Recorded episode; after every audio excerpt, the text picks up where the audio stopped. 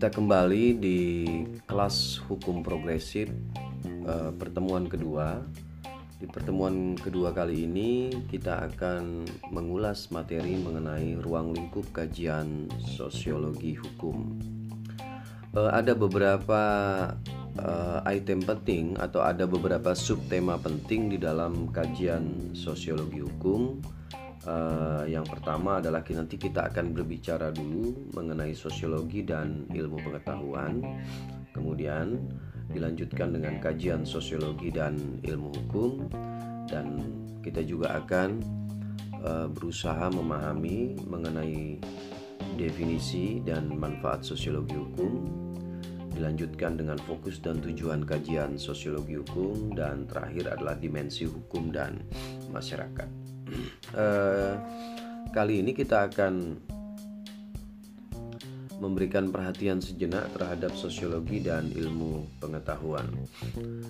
Uh, memahami sosiologi merupakan bagian dari ilmu pengetahuan.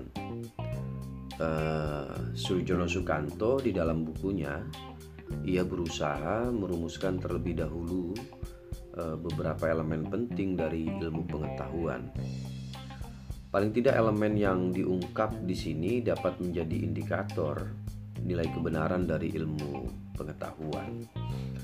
Secara ringkas, mungkin kita dapat mengatakan bahwa ilmu pengetahuan adalah pengetahuan itu sendiri yang tersusun secara sistematis dengan menggunakan kekuatan pemikiran yang selalu dapat diperiksa dan ditelaah dengan kritis oleh setiap orang lain yang ingin mengetahuinya.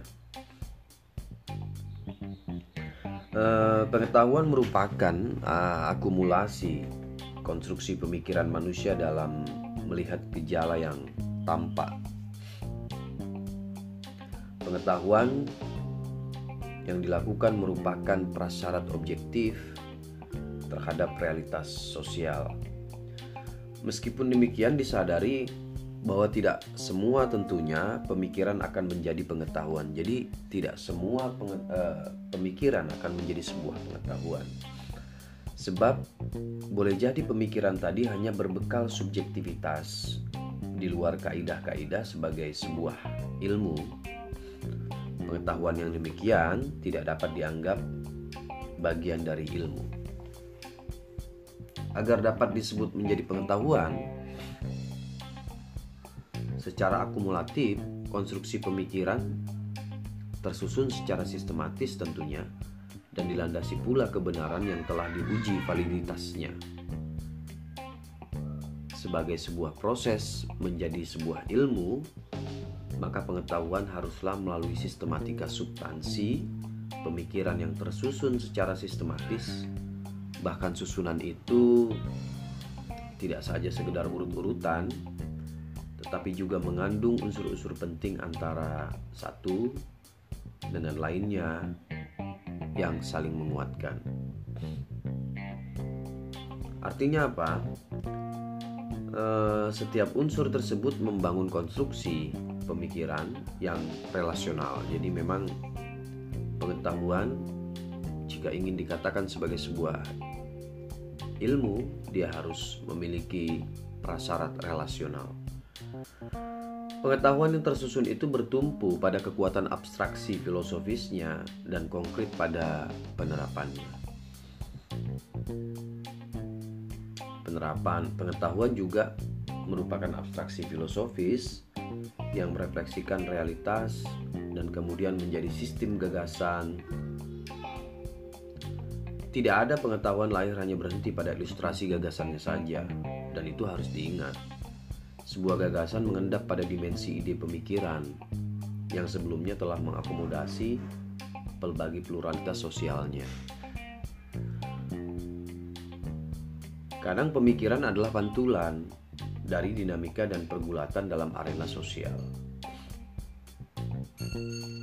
Sebut saja Morris Berman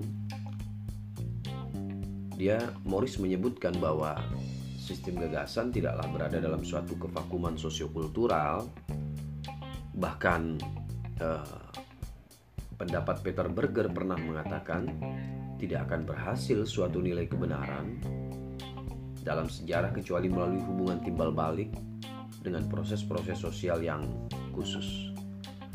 Pendapat itu dapat dirujuk sebagai konsekuensi jika pengetahuan yang menggunakan pemikiran merupakan implikasi dari hegemoni kekuatan-kekuatan sosial dalam masyarakat. Jadi sehingga unsur terpenting dari semua akumulasi ilmu pengetahuan tidak termasuk aspek sistem gagasan dapat dikontrol secara kritis oleh orang lain dan masyarakat secara umum. Uh, bukan berarti pemikiran yang bermodal subjektivitas tanpa melalui objektivitas keadilan keilmuan.